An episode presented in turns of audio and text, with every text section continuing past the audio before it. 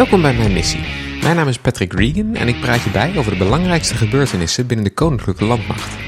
Met vandaag verdachtpoeder in Eindhoven, eerste 140 militairen starten hun dienjaar, Nederlandse militairen naar de Invictus Games en de genie oefent in Litouwen. Maar eerst. Op het IJsselmeer wordt momenteel een Lancaster ED-603 geborgen. De Engelse bommenwerper stortte in 1943 neer onder Brezandijk. Alle zeven inzittenden kwamen om het leven en drie lichamen zijn nog altijd niet geborgen. Bij de berging van het wrak werken diverse defensieonderdelen en een civiele aannemer samen. De luchtmacht zorgt voor de ruiming van de wrakstukken. De bergings- en identificatiedienst van de landmacht stelt eventuele stoffelijke resten zeker. En de explosieve opruimingsdienst ontmantelt mogelijke munitie. Wij als bergings- en identificatiedienst zijn verantwoordelijk voor het bergen van de stoffelijke resten, militaire uitrusting en alle persoonlijke bezittingen van de crew die op dat moment aan boord waren van het vliegtuig. Ja, wij hebben inmiddels wat stoffelijke resten hebben we, hebben we aangetroffen. Uh, die blijven nu nog eventjes op de bergingslocatie. En aan het einde van de berging nemen wij die dan mee naar ons laboratorium hier in Soesterberg. En wat wij in het laboratorium doen is eigenlijk proberen te bepalen of wij inderdaad uh, de stoffelijke resten hebben van drie mensen. We weten dat er drie mensen vermist zijn op het vliegtuig. Wij gaan de stoffelijke resten gaan we bekijken of we dus inderdaad die drie mensen gevonden hebben.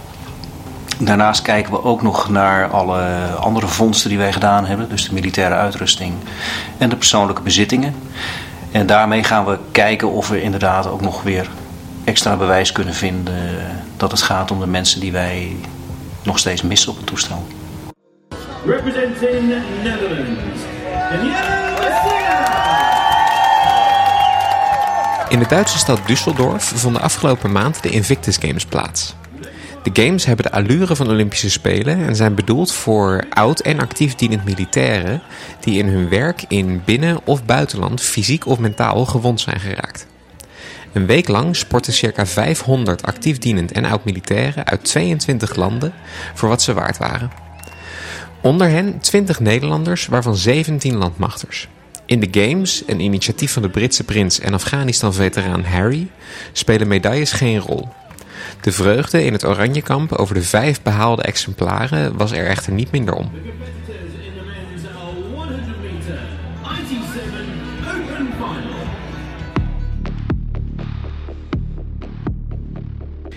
Ruim 1400 militairen en 450 voertuigen namen afgelopen maand deel aan de oefening Furious Hunter.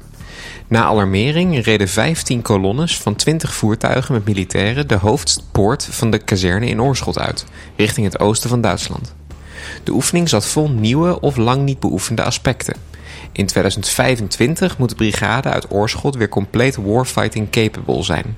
En de grootte van deze oefening hè, komt voort uit het feit dat we, er is oorlog in Europa. Dat is voor iedereen weer de focus op dat grootschalig conflict. Maar juist die grote verbanden, dat hebben we jaren niet meer gedaan en dat doen we hier weer. En je ziet hier dus ook allerlei capaciteiten die hier samenkomen. Ja, de grootste uitdaging is juist dat, dat samenwerken tussen al die capaciteiten. Die, onze, onze gevechtseenheden, die, dat, dat gevecht zeg maar, dat kunnen zij wel voeren. Dat is het probleem niet. Dat kunnen ze echt heel goed. Ze zijn goed getraind en kunnen dat. Onze verkenningseenheden kunnen echt heel goed verkennen. Maar dat in een groter verband, waar er van alles om je heen gebeurt en het altijd anders gaat dan je denkt dat het gaat. Want de vijand doet ook dingen, maar er gaan ook dingen gewoon mis.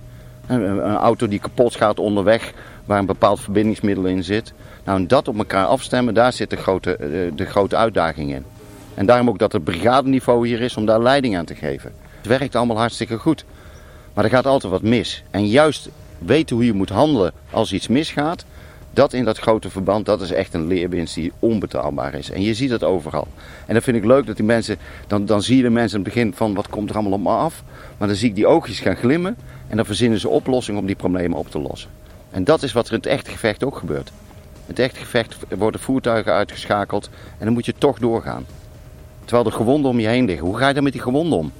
En hoe worden die afgevoerd? Nou, dat soort aspecten waar dat allemaal samenkomt, daar de oplossing voor verzinnen, dat zijn we hier aan het oefenen met elkaar.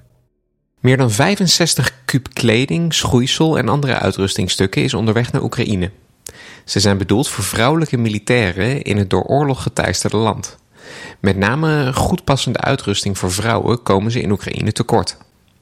Militaire specialisten met kennis van chemische, biologische, radiologische en nucleaire stoffen, CBRN, hebben een onbekend poeder onderzocht. Dat gebeurde op verzoek van de politie Eindhoven. Het bleek een grondstof te zijn voor het maken van drugs.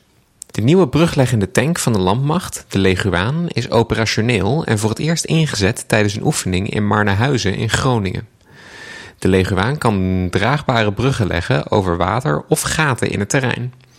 Gevechtseenheden kunnen zo obstakels oversteken die anders de voortgang zouden belemmeren. De bewegingsvrijheid van de eigen troepen vergroten en die van de vijand beperken. Dat is de kerntaak van de panzergenie van de multinationale battlegroup in Litouwen. Tijdens de oefening Engineer Thunder brachten ze dit in de praktijk. Van het overbruggen van antitankgrachten tot het opblazen van infrastructuur, alles kwam aan bod. Goedenavond, ik ben uh, de Chamio Thijssen. Ik ben uh, de PC van uh, de club waar jullie bij gaan dienen. Ik wens jullie ja, van harte welkom. Dus daar mag er heel even emotioneel afscheid genomen worden van papa, mama, vriend of vriendin. Tranen mogen vloeien. Maar dan, daarna lopen we de poort in en dan zijn jullie, eh, zoals het gezegd van mij. Ja, ik kan er nou nog om lachen. Maar... Kameraadschap, discipline, professionele en persoonlijke ontwikkeling, vrienden voor het leven. Het zijn de herinnering van vele militairen die ooit de dienstplicht vervulden. Het nieuwe dienjaar bij de krijgsmacht kan die ervaring weer een beetje terugbrengen. Met ingang van afgelopen maand is het mogelijk om een jaar lang een functie te vervullen bij de krijgsmacht. Het dienjaar dus.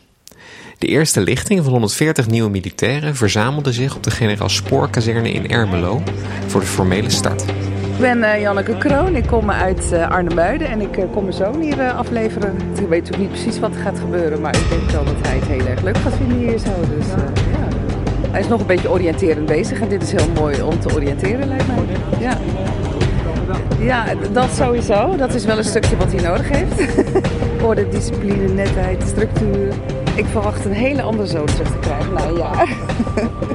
ik weet gewoon dat ik het wel zwaar heb, maar ik heb er eigenlijk wel allemaal zin in. Weet je, het is gewoon, het is iets heel anders. Ik moet wel echt gaan opletten met netjes houden en ordenen. Want soms, ja, mijn kamer wil je niet zien denk ik, nu, hoe het er nu uitziet. Weet je, discipline die ik soms uh, ver te zoeken is en uh, dat soort dingen, daar ga ik gewoon kaart aan werken ja, zoals mijn ma net al zei, gewoon een heel ander persoon worden na dit jaar. En uh, ja, misschien verder bij Defensie. Gaan we zien. Troepen snel inzetten via de lucht. Er komt meer bij kijken dan je denkt. Het gaat namelijk niet alleen om het droppen van militairen, ze hebben ook voeding, water en spullen nodig, zoals wapens en munitie. Genoeg reden om deze operaties te trainen. Dat doen ongeveer 800 militairen uit 11 landen in internationaal verband tijdens Falcon Leap. Ja, ik loop hier over de Oranje Kazerne in uh, Schaarsbergen, de thuisbasis van 11 Luchtmobiele Brigade. En bovenal het feit dat ik uh, overal rode baretten zie, uh, zie ik ook heel veel rode baretten in verschillende tenuën. Ik, zo zie ik bijvoorbeeld uh, Fransen, Amerikanen, Polen, Portugezen en nog veel meer landen. En die zijn hier allemaal samengekomen voor de oefening uh, Falcon Leap. En uh, dit jaar doen er zo'n circa duizend militairen uit elf verschillende NATO-landen mee.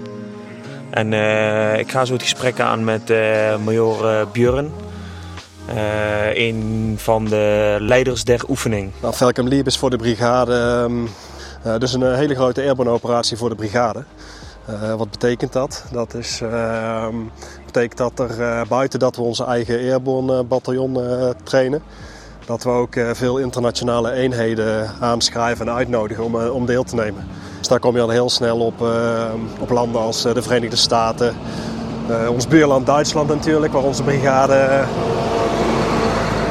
onderdeel van uitmaakt van de division snelle krachten. Um, Poolse airborne eenheden. En, uh, en nog, uh, nog wat van die landen. Zo heeft elk land ook vaak een specialiteit. Het ene land ontwikkelt zich wat meer op het droppen van ladingen, de andere op parachutisten. En zo komen hier verschillende spelers eigenlijk voorbij. En gedurende Falcon Leap, wat wordt er dan precies getraind? Nou, Falcon Leap is een oefening die twee weken duurt. Uh, dit jaar is er uh, in de eerste week is er uh, samen met AMC, Air Mobility Command in Eindhoven. En hebben we een, een week lang, de eerste week, hebben we um, ladingen gedropt. CDS-ladingen. Dat zijn palletladingen met een valscherm erboven.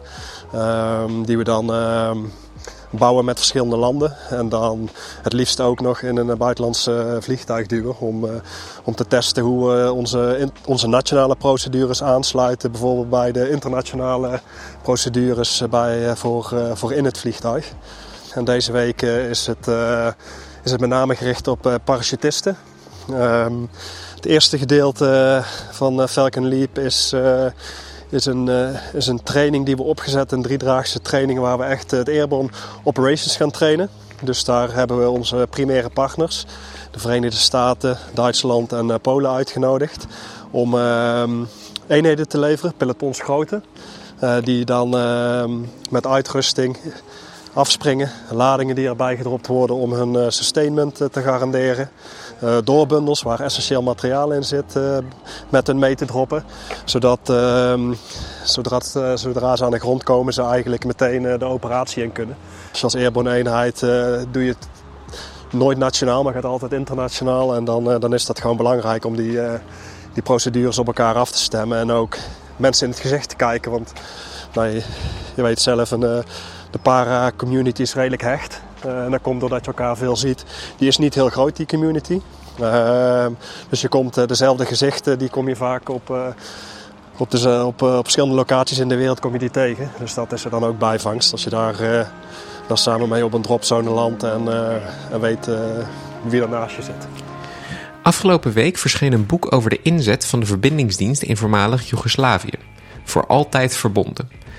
Het behandelt de opbouw, ontplooiing en het werk in het operatiegebied in Bosnië, Kroatië en Servië.